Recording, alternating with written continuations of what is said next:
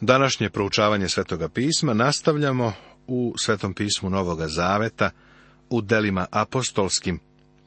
I još uvek smo u prvoj glavi, počinjemo od četvrtog stiha. Dozvoli da ubacim jedan komentar o vaskrsenju. Ima jedan stih koji je po mom mišljenju izvrnut i izokrenut. Gospod Isus Hristos je rekao, a ja ću, kad budem podignut sa zemlje, privući sve k sebi, kaže Evanđelje po Jovanu 12. poglavlje, 32. stih. Kako je Isus bio podignut sa zemlje? Bio je podignut kroz vaskrsenje, podignut iz mrtvih. To je poruka. Bez obzira na to koliko govoriš o Isusu i o tome kako je divan, poruka je ovo. On je podignut iz mrtvih. Ustao je, vaskrsnuo. Razlog zbog kojeg još više ljudi nije privučeno Hristo je taj što se ne propoveda vaskrsli Hristos. Dela apostolska tako snažno stavljaju akcenat na vaskrsenje Isusa Hrista. I dok je još bio sa njima zajedno, zapovedi im da se ne udaljavaju iz Jerusalima, nego da čekaju očevo obećanje, koje ste reče, čuli od mene. Ovo je kraj rečenice. Ova prva četiri stiha predstavljaju jednu rečenicu. Apostoli treba da čekaju na silazak svetoga duha. Sve dok se to ne desi, njegova zapovest će da sačeka. Jovan je krstio vodom, a vi ćete za koji dan biti kršteni duhom svetim. Vaskrsli gospod se javio apostolima i dao im ova uputstva. Kaže im, da će im se nešto desiti. Uskoro će biti kršteni duhom svetim. Ovo krštenje svetim duhom je očevo obećanje, a Isus im je već o njemu govorio. Vrlo je važno istaći da se ovdje ne govori o krštenju u vodi, odnosno o ritualnom krštajenju. Ovo je krštenje svetim duhom. Krštenje svetim duhom je stvarno krštenje. Krštenje svetim duhom stavlja vernika u telo vernika, odnosno u crkvu. Kada dođemo u drugo poglavlje koje govori o dolasku duha na dan Pentekosta, vidjet ćemo da su oni bili ispunjeni svetim duhom. Ispunjenje je bilo neophodno da bi mogli da služe. Činjenica da su bili ispunjeni svetim duhom za službu ukazuje na to da su se izvršavale druge službe svetoga duha a okupljeni pitahu ga ovim rečima. Gospode, hoćeš li u ovo vreme ponovo uspostaviti carstvo Izrailjevo? Videćeš da neki komentatori ukoravaju apostole što su postavili ovo pitanje. Smatraju da su apostoli pogrešili. Verujem da odgovor koji im je gospod dao govori o tome da nisu pogrešili. Njihovo pitanje je bilo opravdano, prirodno. Pitanje na koje je kao takvo gospod odgovorio. On ih nije ukorio. Ovo pitanje nije nazvao besmislenim. Apostoli su odrasli i bili školovani uz stari zavet. Čekali su na dolazak Mesije. Shvatili su da je Mesija onaj koji će uspostaviti carstvo na ovoj zemlji. Tome su se nadali. To je i dalje nada za ovu zemlju. Bog još nije završio sa ovom zemljom. Bog ne namerava da je počisti pod čilim. Iako je toliko mala da bi to mogao učiniti, on to ipak ne namerava. Bog za ovu zemlju ima večni cilj. Oni su govorili o Božijem carstvu koje podrazumeva i ponovno uspostavljanje Davidovog doma, o tome je Isus govorio posle svoga vaskrsenja. Vidimo da je u trećem stihu govorio o carstvu Božijem. On im reče. Nije vaše da znate vremena ili rokove koje je otac odredio svojom vlašću. On im je rekao da se u to vreme to carstvo neće ponovo ustanoviti. Umesto toga on će pozvati ljude sebi. To je crkva u 15. poglavlju dela, kada su se apostoli okupili zbog prvog saveta u Jerusalimu, Jakov je istakao ovu činjenicu. Simon kaza kako se Bog najpre pobrinuo da između mnogobožaca uzme narod za svoje ime. I s ovim se slažu proročke reči, kao što je napisano, vratit ću se potom i ponovo ću sazidati Davidov dom koji je pao, opet ću sazidati što je u njemu srušeno i nanovo ću ga podići, da bi i ostali ljudi mogli da traže gospoda. I svi narodi na koje je prizvano ime moje, govori gospod koji tvori ovo, poznato od večnosti. To je ono što Bog danas radi. On pohodi neznabošce i između njih zove ljude k sebi. To znači da gospod iz sveta poziva one koji žele da poveruju u Hrista, a sveti duh ih krštava u telo vernika, u crkvu. Tako, kada su apoštoli pitali Isusa da li će u ovo vreme obnoviti carstvo, on im je odgovorio da to tada nije bila tema razgovora. To ni danas nije tema razgovora veoma mnogo ljudi mi govori, zar ne misliš da će gospod uskoro doći? Pa reći ću ti nešto u poverenju, verujem da će uskoro doći. Međutim, nemam nikakav autoritet na osnovu koga bih ti rekao da on uskoro dolazi, jer ne znam. Gospod je rekao da mi ne treba da znamo vremena ili rokove. To za nas nije važno. verujem u proroštvo. Međutim, smatram da čovek može da ga prenaglasi. Da bi se izgrađivao u veri, potrebno ti je više od proučavanja proroštva. Pa, šta je naš zadatak danas? Ponovo obrati pažnju na to da ih gospod nije ukorio. Umesto toga, pokazao im je da ima nešto drugo na umu. Nešto drugo treba da učinimo. Ne treba da znamo vremeni ni rokove, to je u vlasti oca, ali evo tvoga poslanja. Nego ćete primiti silu, kad duh sveti siđe na vas, i bit ćete moji svedoci kako u Jerusalimu, tako i po svoj Judeji i Samariji i sve do kraja zemlje. Ovo poslanstvo važi i danas.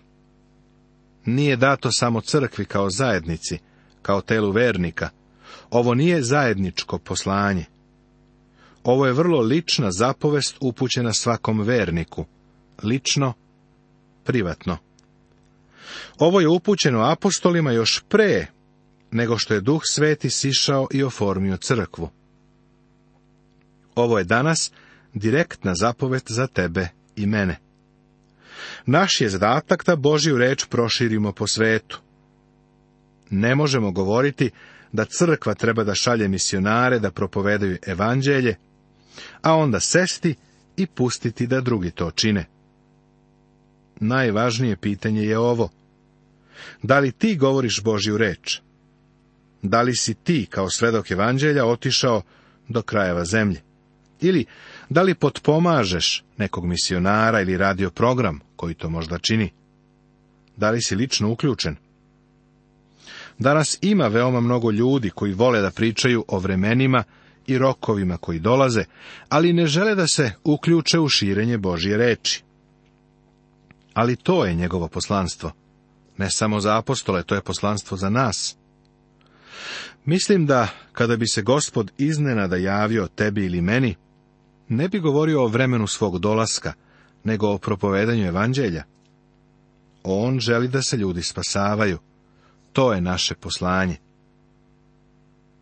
Da bismo širili evanđelje, potrebna nam je sila. Evo njegovog obećanja. Primit ćete silu. A potrebno nam je i gospodnje voćstvo.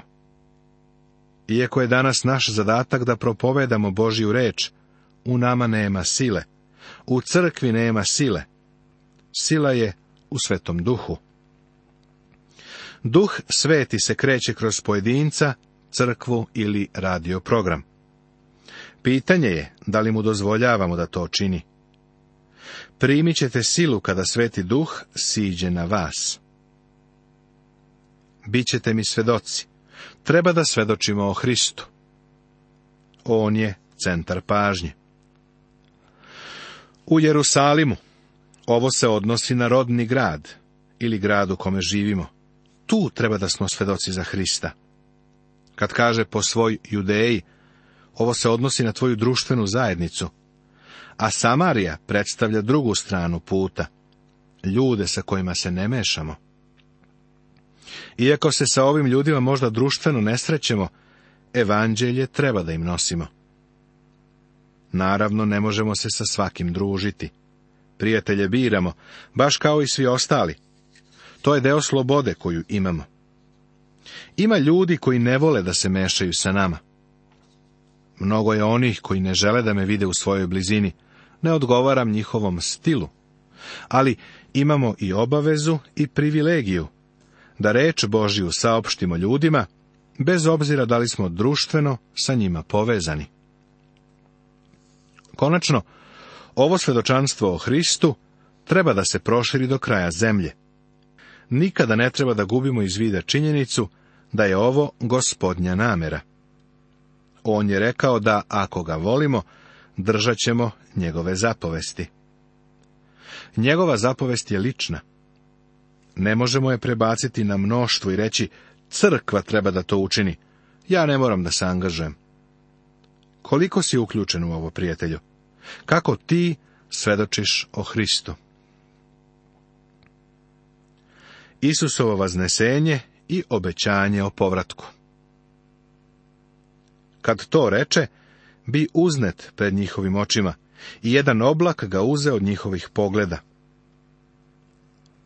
Vaznesenje gospoda Isusa Hrista je važno čudo u gospodnjoj službi. Ovo je naročito tačno za naše doba svemira, kada su nam oči uprte visoko gore i kada govorimo o putovanju kroz svemir. Putovanje kroz svemir i nije neka novost. Evo, gospod Isus je otišao, nije mu bila potrebna rampa za lanziranje, svemirsko delo, neka raketa ili nešto. Oblak ga je podigao. Kakav je to oblak bio? Kišni oblak? Ne. Bio je to onaj oblak šekina slave, koji je ispunjavao šator od sastanka. U svojoj prvosvešteničkoj molitvi Isus se molio. A sada, oče, proslaviti mene, kod sebe, slavom koju sam imao kod tebe pre nego što je svet postao, kaže Evanđelje po Jovanu u 17. poglavlju, peti stih. Kada je Isus rođen u ovaj svet, uvili su ga u pelene. Kada je odlazio sa ove zemlje, bio je obavijen u oblak slave. Tako se vratio ocu i seo mu s desne strane. Dok su apostoli posmatrali kako se to dešava, pojavila su im se dva anđela. Izgledali su kao ljudi i imali su važnu poruku. Kada su pak gledali na nebo, dok je on odlazio, gle, dva čoveka u belim haljinama već su stajali pored njih. Oni rekoše, ljudi Galilejci, što stojite i gledate na nebo?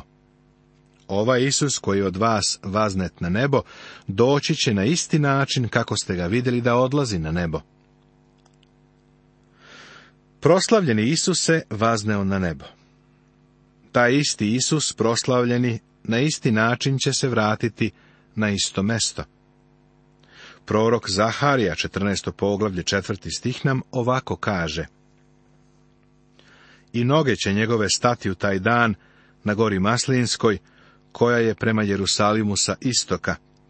I gora će se maslinska raspasti po sredi na istok i na zapad, da će biti prodor vrlo veliki, i polovina gore će ustupiti na sever, a polovina na jug. Sa tog mesta je otišao i na to mesto će se vratiti. Čekanje na duha Tada se vratiše u Jerusalim, sa gore koja se zove Maslinska, udaljene od Jerusalima jedan subotnji dan hoda. Subotnji dan hoda je manje od jednog i po kilometra. Ta razdaljina je ljude držala na njihovom mestu. Zato su svi logorovali oko hrama, kada su dolazili na praznike u Jerusalim. Maslinska gora je verovatno bila prekrivena ljudima, koji bi se tu smestili. Verovatno je bilo na stotine hiljada ljudi u vreme praznika. Zašto? Jer su morali da od hrama budu udaljeni subotnji dan hoda. I kad su ušli u kuću, popeše se u gornju sobu, gde su obično boravili Petar i Jovan, Jakov i Andreja, Filip i Toma, Vartolomej i Matej, Jakov Alfejev i Simon Ziloti i Juda Jakovljev, svi ovi istrajno i jednodušno su se molili Bogu zajedno sa ženama i Marijom, Isusovom majkom i njegovom braćom. Radujem se što je Marija Isusova majka bila tamo. Njen ugled je sada bio razjašnjen. U ovom momentu bilo je jasno da je Isus Boži sin, devičanski rođen, kao što je ona i tvrdila. Apostoli i ostali vernici su zastupali stav jedinstva, molitve i čekanja. Takav period u današnjem vremenu ne možemo da ponovimo. Seti se da se ovo dešava u vremenskom periodu između Hristovog vaznesenja na nebo i silaska svetoga duha. Ti i ja ne živimo u tom periodu. Ne možemo ga ponoviti. Mi ne čekamo dolazak svetoga duha. On je došao pre više od dve hiljade godina. Imenovanje jednog apostola Tih dana usta Petar među braćom, a naroda je na okupu bilo oko 120 duša, i reče. Braćo, trebalo je da se ispuni pismo, što je duh sveti Davidovim ustima prorekao za judu, koji je predvodio one što uhvatiše Isusa. Bio je u našem broju i dobio je deo ove službe. On je, međutim, zločinačkom platom stekao njivu, te pade strmoglavce. Raspuče se po sredini i prosuse sva njegova utroba. Ovde ponovo govori Simon Petar. Zapazi da je ovo pre nego što je sveti duh došao na dan Pentekosta. Ovom čoveku je potrebno ispunjenje svetim duhom, kao i nama. On zaista živopisno prikazuje judu. Ako si zabrinut jer uviđeš nesklad ovog teksta sa evanđeljem po Mateju 27. poglavlje 5. stih, bit će ti korisna sljedeća beleška iz Ungerovog biblijskog rečnika. Beleška Između ova dva odeljka na prvi pogled kao da postoji nesklad. U Mateju piše, tada baci srebrnike u hram, udalji se ode i obesi se. U delima apostolskim dat je drugačiji zapis. Tu piše, umjesto da je srebrnike bacio u hram, tim novcem je kupio polje. Umjesto da se obesio, piše da pade stremoglavce, raspuče se po sredini i prosu se sva njegova utroba. Iz tog razloga, a ne zato što su je sveštenici kupili platom za krv, nazvana je krvna njiva. Izgleda da je činjenica da se Juda obesio, verovatno kanapom koji se ili pokidao ili odvezao, pa je on pao svom težinom na hrapave stene koje su se ispod nalazile, što je dovelo do onoga što pominje Petar u delima. Prividni nesklad ova dva zapisa u vezi sa novcem mogao bi se ovako protumačiti – nije bilo po zakonu uneti u hram novac za kupovinu svetih stvari koji je dobijen nezakonito. U takvom slučaju jevrejski zakon je predviđao da se novac vrati davaocu, a ako bi on insistirao da ga ipak da, onda bi se taj novac koristio za neku javnu društvenu korist. Po tom izmišljenom zakonu, novac je i dalje smatran judim, pa je on trebalo da ga upotrebi za kupovinu dobro poznate lončareve njive. Kraj napomene. To su doznali svi Jerusalimljani, tako da je ona njiva prozvana po njihovom jeziku Damah, to jest krvna njiva. Naime, u knjizi psalama je napisano, dom njegov neka bude pust i ne bilo nikoga ko bi stanovao u njemu mislim, a njegovu službu neka primi drugi. Ovde se uvek postavlja pitanje šta se desilo. Da li je trebalo da Simon Petar održi taj izbor? Izabere čoveka umesto jude? Ja mislim da nije. Nastavit će se.